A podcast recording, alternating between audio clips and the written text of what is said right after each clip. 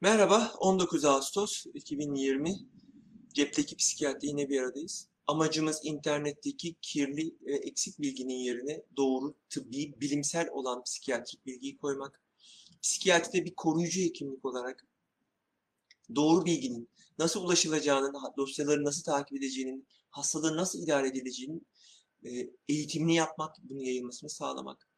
Evinden çıkamayanlar, yurt dışındaki Türkler, utananlar, psikiyatriye kolay ulaşamayanlar için telepsikiyatri, kamera ile görüşerek hasta görmeyin yaygınlaşmasını, kolaylaşmasını, duyurulmasını sağlamak.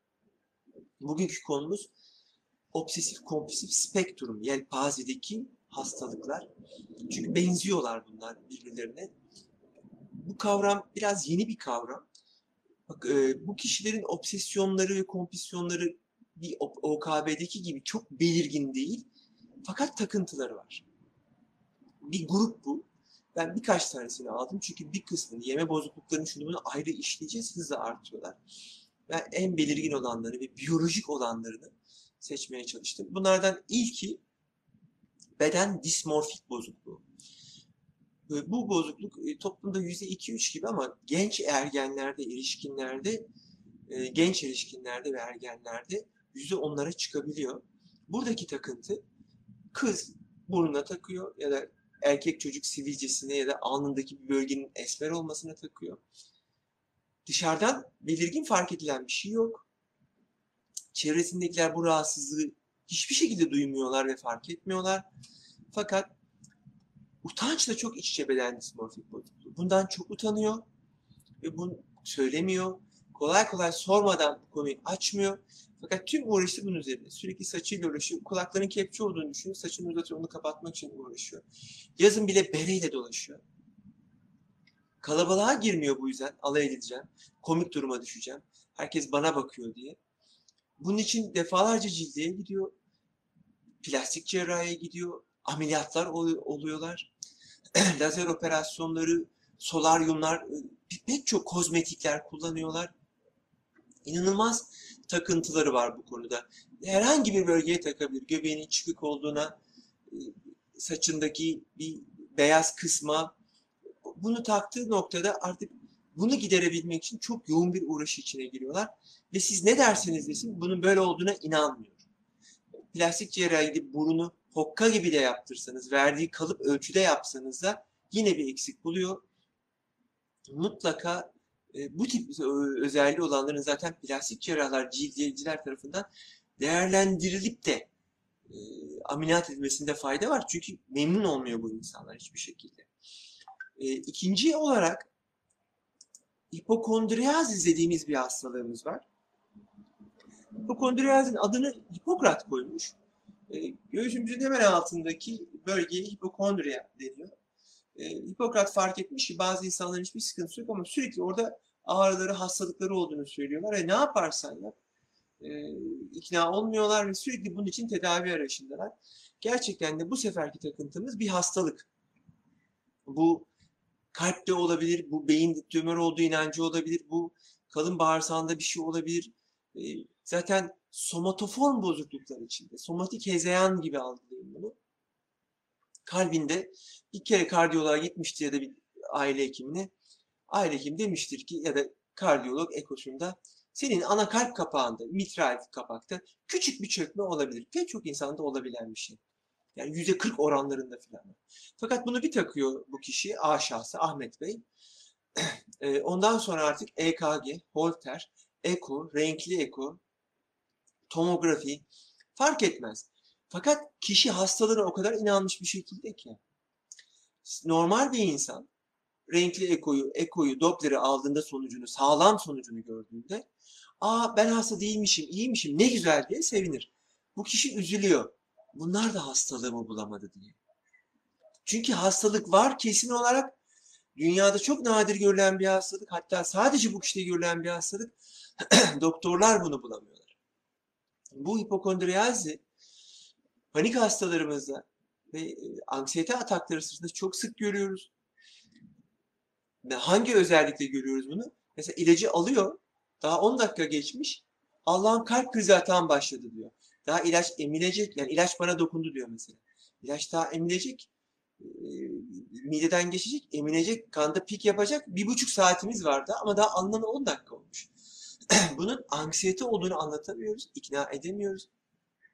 Pek çok hasta danışanım hatırlıyorum. Her sabah girip ilaçlarını bizim önümüzde alıp emin olana kadar bekleyip bir saat ondan sonra giden pek çok danışanım olduğunu hatırlıyorum. Bu somatik hezeyan e, illa kalp krizi ya da beden dismorfik bozukluğunda olduğu gibi olması gerekmez. Şöyle de olabilir mesela. Tenimden kötü bir koku yayılıyor. En az iki danışanım hatırlıyorum. Mide bağırsak seslerimi çok du- duyuluyor ve ben, bu beni çok utandırıyor. Bu yüzden sınava gitmiyor mesela. İş yerine giderken çekiniyor. Dışarı çıkmaktan çekiniyor. Bunların hepsi bu grubun içinde takıntılar ve iş içi takıntılar bunlar. Bu, zaten bu kişilerin hepsinde de benzer ek psikiyatrik rahatsızlıklar oluyor. Bundan sonraki hastalığımız trikotilomani. Trikotilomani ne? Yunanca bir kelime. Türkçe'ye saçlarını yolma hastalığı diyebiliriz. Bu seferki takıntımız saç, kirpik, kaş yolmak. Kişi elinde olmadan saçlarını, kirpiklerini, kaşlarını yoluyor. Bir para büyüklüğünden, kurşun para büyüklüğünden bir portakal büyüklüğüne kadar açabilir. Saçlarını, tüm kirpiklerini, saçlarını yolabilir. Şey, kaş, kirpiklerini ve kaşlarını yolabilir. Fark etmiyor bunu. Ve sürekli strese girdikçe bunu yoluyor. Bunlar da çok erken başlayabilir. 4-6 yaşında Tourette gibi konuşacağımız. Sonuçlarını biliyorlar, farkındalar. Bunu kapatmak için çok çaba harcıyorlar. Saçında geniş bir alanı açtıysa saçını uzatıp o tarafa yatırmak gibi, kozmetikler kullanmak gibi pek çok yöntem kullanmaya çalışıyorlar. Fakat buna engel olamıyorlar. Bu hastalıkların e, Tourette'i de anlatayım. Sonra niye benzediğini ve e, tedaviden gideceğimizi anlatacağım. Tourette bozukluğu da e, benzer bir rahatsızlık. Tourette bozukluğunun genetik olduğunu, kalıtımsal özellikleri olduğunu çok iyi biliyoruz. Bir ailede varsa kesinlikle e, bir kişide Tourette görüyorsak ailede mutlaka Tourette ve benzeri bulgular oluyor. Y kromozomu ile çok ilgili. Tourette'lerin çok büyük bir kısmı erkek. Hatta tam kaynağı hatırlayamıyorum ama yıllar önce okuduğum bir kaynakta erkeklerdeki kulak kılılığıyla Tourette bozukluğu arasında bir bağlantı okuduğumu hatırlıyorum. Tourette bozukluğunu hemen anlatınca anlayacaksınız. Bu kişilerin sesli ve motor tikleri var. Yani bu bir zamanlar sulu zırtlak spor programları falan olurdu. Bir Tourette'li hastayı getirirler. Dokunduğunda küfreden, dokunduğunda garip sesler çıkaran insanlar. Ya da karşısında soyunduğunuz zaman ekopraksi diyoruz. O da soyunan. Kendine bıçak batır gibi yaptığında kendi bıçağı batıran. Sen durdurabiliyorsun ama o durduramıyor. Ne yazık ki alay konusu olan karşısındaki bir şey söylediğinde aynı şeyi tekrarlama ihtiyacı hisseden, ekolarisi olan da hastalar çok alay ediyorlar. Bunun bir hastalık olduğunu fark etmeden çok üzerine gidiyorlar ve çok artıyor uğraşıldığında bu kişilerde bu rahatsızlıklar. Bu kişilerde de ancak ve ancak neden yelpaze olduğunu düşünüyoruz. İster trikotilomani, ister türet bozukluğu, ister hipokondriyaz olsun. En etkili olan tedaviler anti-OKB tedaviler. Obsesyona dönük tedaviler. Ve baktığınızda da benzer organ bölümleri, bazal ganglia dediğimiz alanla prefrontal korteks orbitofrontal korteks yani gözümüzün hemen arkasındaki ön lob ve onun hemen arkasındaki bölümlerde sorunlar görüyoruz. Daha büyük olduğunu görüyoruz, daha küçük olduğunu görüyoruz. Bu bölgelerin etkilendiğini görüyoruz. Sanki aynı bölgeler de farklı nöronlar ya da farklı kimyasal sistemler etkili olaraktan bu hastalığı ortaya çıkarıyor. Bu hastalıklar bir kafa travmasından sonra ortaya çıkabiliyor. Bir boğaz enfeksiyonundan sonra ortaya çıkabiliyor. Dediğim gibi benzer tedaviler alıyorlar. Son derece biyolojikler. E, tedavide yarın konuşacağız. İlaç dışında ameliyatı olan e, bir hastalıktır OKB. Ve bu hastalıkların hepsi takıntılar yüzünden işlevi müthiş bozuyorlar. Bu insanların yaşamı zehir oluyor. İşlevsellikleri bozuluyor, işe gidemiyorlar. Hayatlarının çok önemli bir kısmını bu alıyor. Bu nedenle bu noktada gidin birinden yardım alın demeyeceğim, aile hekimi demeyeceğim. Çok zor hastalıklar, takip gerektiren hastalıklar. Burada gerçekten öncelikle psikiyatrik tedavidir. İlaç artı terapi şart. Mesela obsesif kompulsif kişilikte sadece ilaç işe yarayabilir ya da sadece terapi. Fakat bunlarda mutlaka ve mutlaka en azından bir psikoeğitim eğer olabiliyorsa bilişsel kognitif terapiler, bilişsel davranışçı terapiler e, ve şema terapi gibi, AK gibi, üçüncü dalga terapilerin yaşamı düzenleyecek e, yöntemlerin bu kişilerle tartışılması, konuşulması, bu kişilerin mutlaka bu anlamda takip edilmesi gerektiğini düşünüyorum. Bu kişiler bunları çok iyi gizledikleri, utandıkları, evden çıkmadıkları için de sorgulamadan da çok anlaşılmıyor. Yakınlarına bence burada görev düşüyor. Bu kişilerde bu işgörü olsa saçlarını yolmayacaklar zaten. Zaten yapabilecekler bunu. Fakat bu bir hastalık. Gerçekten ciddi ve ağır bir hastalık. Hastalıklar kümesi. Sadece bu mu var? Hayır. Daha sonra konuşacağız. Örneğin çok ağır bir yeme bozukluğu olan bizim en öldürücü hastalığımız anoreksiya nervosa yememe hastalığı. %50'sini kaybettiğimiz bir grup. Ciddi takıntılar içerebilir. Bir inattır yani içgörüsüzdür. Pek çok dürtü kontrol bozukluğu. Buna özellikle 20-40 yaş arasındaki erkeklerdeki porno bağımlılığı, porno ve mastürbasyon bağımlılığı, e, kumar bağımlılığı, e, pek çok dürtü kontrol bozukluğu içinde obsesyonlar vardır ya da obsesyona benzer. Bunların e, benzer grup olduğunu bilmemizin bir nedeni de dediğim gibi farklı tedavi antiteleri olabilir. Birine başka bir ilaç, birine bir şey eklenebilir. Terapileri değişebilir. Ama temelde anti anksiyete ve anti OKB ilaçları kullanıyoruz. Peki bu kadar stres altındaki kişileri tedavi etmeden kendileri iradeyle geçebilir mi? Geçmez, geçmiyor. Tek bir, tabii ki travmalar, yaşadığımız olaylar, stres insanı OKB'sini ya da bu tip belirtileri inanılmaz arttırabilir. Tek bir Güneydoğu'da çatışmada kalmış olmanız tek bir tecavüz girişimi 24 saat içinde e, beyinde kortizol salgısıyla çok ciddi sıkıntı yaratabilir. 6 ay içinde bizim belleğimizi de çok içeren hipokampal alanın yarısını eritebilir. İlaç tedavisi de bu geri dönebilir. Bunlar biyolojik olarak kanıtlanmış, gösterilmiş çalışmalar. Aynı şey sadece beynimizde olmuyor. Ayağınız yanar, güçlü bir acı, stres yaşarsınız fiziksel olarak. Bir gecede mide ülseri oluşur. Stres ülseri diyoruz. Stresin yarattığı adrenalin ve kortizol bedenimizi inanılmaz etkiler. Düşük miktarlarda size uzun vadede immün sistemimizi etkiler. Şeker, kalp, diyabet, guatr bir sürü rahatsızlık çıkar. Bu yüzden bunların üzerine gidilmelidir. Ben idare ediyorumla kalınmamalıdır. Yani zehir etmeyi bırakın, hayatınızı zorlaştırdığı noktada yardım almanızı öneririm. Artmaması için. Hemen sorulara geçelim. Birkaç sorumuz var çünkü. Yarın o OKB'de tedaviyi konuşacağız. E, bu yüzden e, tedaviyle ilgili ayrıntıları oraya bırakıyorum. Hemen sorulara geçiyorum. E, Rüştü Bey, ben 40 yaşındayım. X ilacını kullanıyorum. 20 yıldır iyileşemedim. Bence de bunun çözümü yok gibi. Rüştü Bey gibi hastalar çok doktor, çok ilaç değiştirmiş. Takiplerinde sıkıntısı olan gördüğüm kadarıyla hastalar. Ee, bir ilacı değiştirebilmek için örneğin bu X ilacımız 10 mg kullanmış. Bu ilacın maksimum dozu 30 mg. Bu ilacın etkisiz olduğunu söylememiz için 30 mg ya da çıkabildiğimiz en yüksek doz yönetimiyle çıkıp en az 12 hafta kullanmamız gerekiyor. Yani minimum 6 hafta değil. Hiçbir etkisini göstermezse, yani dozu arttırdık, dozu arttırdık, yavaş 10 başladık, 20, 30. E, hiçbir etki göstermezse başka bir gruba geçmemiz gerekiyor. Kombine edebiliriz, birlikte kullanabiliriz. Ama farkındaysanız bunların hep yani ilacın ismini yazacağız. Etkili, etkisiz. Şunu geçirdi ama bunu geçirmedi diye takip edeceğiz. Bu bir takip işi.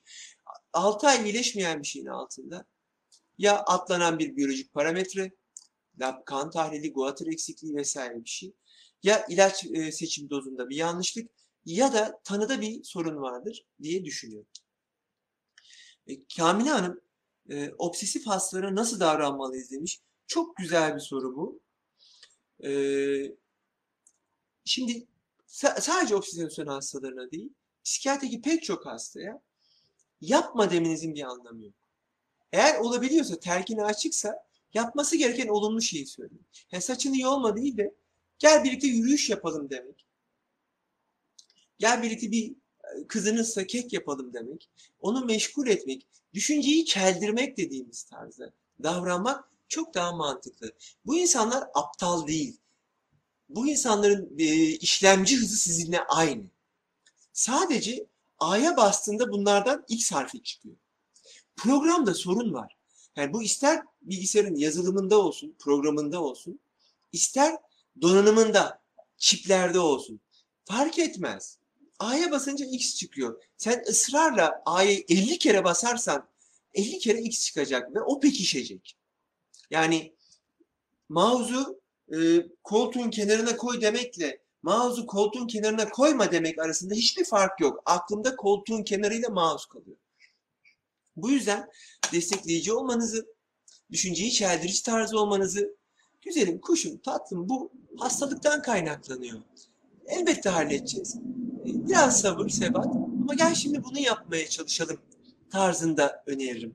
Benzer bir davranış sorusunu Abdülhamit Bey sormuş. E, bu hastalığı yenmek için kendine nasıl yardım edebiliriz? Üzerine mi gitmeye çalışmalıyız? İlaç tedavisine ek olarak öneriniz nedir diyor. Şimdi ilaç tedavilerinde şöyle bir hesaplama yapmanızı istiyorum sizden. Bulgularınızın, obsesyonlarınızın en fazlasını yüz deyin. Hiç olmadığı hale sıfır deyin. Bu şiddet 50'nin altına inmedikçe kişi talimat alamıyor. Ev ödevlerini yapamıyor. Yani durduk yere sakinleşemiyor insan. Bu yüzden bunun altına inene kadar ilaç, ondan sonrasında elbette ki kognitif terapi önemli. Şimdi buradaki üzerine gitmeniz sıkıntısı şu. Üzeri, asansöre binemiyor hasta ya da e, el yıkamasını durduramıyor.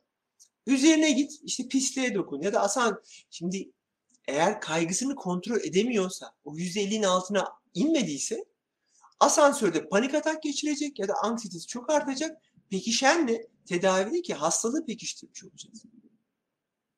Bu nedenle ya yanında çok güvendiği biri olacak ya akut anksiyete engelleyicilerimiz olacak ya da ilaç e, anti, e, anti OKB ya da anti kaygı ile ilgili anksiyete ilacımız etkisini göstermiş olacak ki bu e, temrinleri, bu alıştırmaları, bu egzersizleri, ev ödevlerini yapabilir. Yoksa hastayı biz kötüleştirmiş oluruz diye düşünüyorum. Bu anlamda üzerine gidebileceğiniz o şeye bakın, şiddete bakın. Bunun pek çok ölçüyü var. Önermiştim. İyi Hissetmek kitabı sevgili Alp Karosman'ın editörlüğünü yaptığı. E, takıntılarımıza nasıl baş edelim kitaplarında. Bunların ölçekleri var. E, rehberlik online'da diagnostik testi doldurursanız zaten hangi alanlarda obsesyonların, takıntıların olduğunu görebilirsiniz. Dediğim gibi pek çok mizofoni diye bir şey var. Saat sesini, ağız çapırısına takar kişi yani çıldırtır onu. Bunun üzerine gitmek olabilir ama çok küçük yardımlarla Evet, altta yatan şeye de bakmak gerekir. Bu yüzden bu konuştuğumuz her hastalık ayrı bir antite, bir de her hasta ayrı bir kitap. Her hastaya göre bir yemek pişmesi gerekiyor diye düşünüyorum. Sürekli yapma diyen anne bir süre sonra etkisiz olur. Evet, yalama olur. Ben söylerim. Anne babanın haftada bir hayır, ayda bir büyük hayır, tabu hakkı var. Yani büyük, yetişkin olduğu suç olacak. Taciz, hırsızlık gibi ya da kendine zarar verecek bir şey hakkı var. Onun dışında hayır deyip durmayın. Koşma demeyin. Yavaş yürü deyin. Yapması gereken şeyi söyleyeceksiniz. Yapmaması gereken şey değil. Ee, 32 yaşında oğlum var demiş Necla Hanım. 3 yıldır odasına kendini kapattı. Son durum ben anne der bütün insandan kaçıyor, güvenmiyor, tedavi reddediyor. Ee, belli zaman yaşadıklarını hafızasını silmiş, not tutmuş. Orada okudum. Evden gitti 15 yıldır haber vermiyor. Arıyorum demiş. Çok üzücü. E, Necla Hanım muhtemelen çok içe kapanık, kuşkuları takip ediyorumlar olan psikotik bir tablo takip ediyorsunuz, e, tarif ediyorsunuz. Bu tip hastalarda dediğim gibi yani kendi kendine iyileşmiyor bu hastalar. Vesayet altına almak ve tedaviye zorlamak zorundasınız. Yoksa kaybediyoruz çocukları. Bu 3 yıldır evden çıkmıyor ama 10 yıldır hasta. E, her psikotik atak, bu, bunun gecikmesi ciddi nöron hasarı yapıyor gençken şizofren olan bir şahsı 40 yaşlarında gördüğünüz zaman gençken deha olsa bile bir zeka geriliğinden ayırt edemezsiniz. O kadar çok nöron ölümü oluyor ki bir zeka geriliği gibi davranıyorlar. Bu yüzden hani tedavi zorunlu.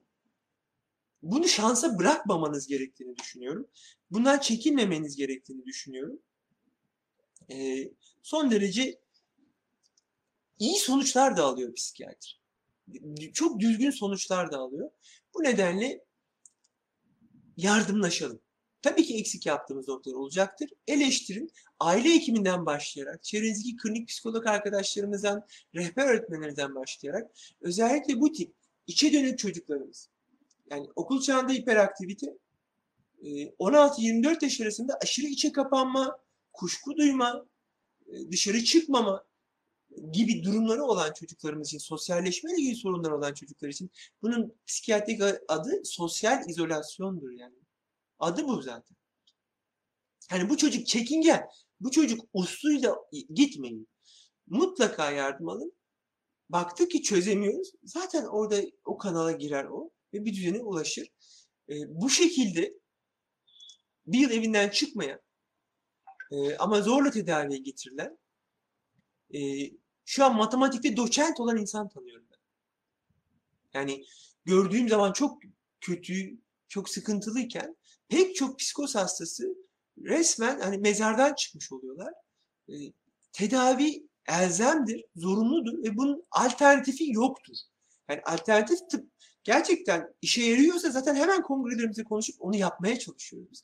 Keşke de olsa, keşke yani belki yardımcı yöntemler olabilir. Bir hastam diyor ki Reiki'den çok fayda gördüm. Harika. Yap kardeşim yani. Tedaviyi bırakma. Zaten semptom olmadığında biz bunu azaltacağız. Hangi hastaneyi tavsiye edersiniz demiş Necla Hanım. Öncelikle sulh hukuk mahkemesinden e, vesayet kararı almanızı tedbiren öneririm. Ankara'da pek çok tüm hastaneler, eski, eski numune hastanesi, çok değerli insanlar var, şeflerimiz var orada. Gülhane, Gülhane Türkiye'nin hala ikinci en büyük kliniğidir. Son derece Ankara e, akademisyen tıp e, mensupları açısından Türkiye'nin en e, yetkin kurumlarına sahip. E, neresi olursa olsun ben meslektaşlarımın aynı özenle davranacağını düşünüyorum. Korona nedeniyle en kolay ulaşabileceğinize gidin. Hemen zaten onu yönlendirecekler. Ha tabii ki sizin olduğunuz için kapalı servisi olan bir yeri yeğlemenizi şiddetle öneririm. Çünkü bu hastalığın geçmesi 6 ay sürecek o psikotik atağın selinin, kalıntılarının gitmesi, beynin kendini toplaması çok kolay bir şey değil. Yani üzerinizden kamyon geçtiğini düşünün. Kaç ayda iyileşirse kırıklarınız, şunlarınız, bununuz, yoğun bakanda kaç ay. O, o öyle bir şey bu yani. Bu çok ciddi bir hastalık. Ee, çok teşekkür ediyorum sabrınız için. Yarın obsesif kompulsif bozuklukta tedavileri konuşacağız. E, sabrınız için e, teşekkür et, ediyorum. Katkınız için e, eleştirilerinizi bekliyorum. Lütfen e, faydası olabileceğini düşündüğünüz insanlara yayınız, gönderiniz. Kendi forumlarınızda, kendi sayfanızda paylaşınız. E, karanlığa küfretmeyelim, bir mum yakalım.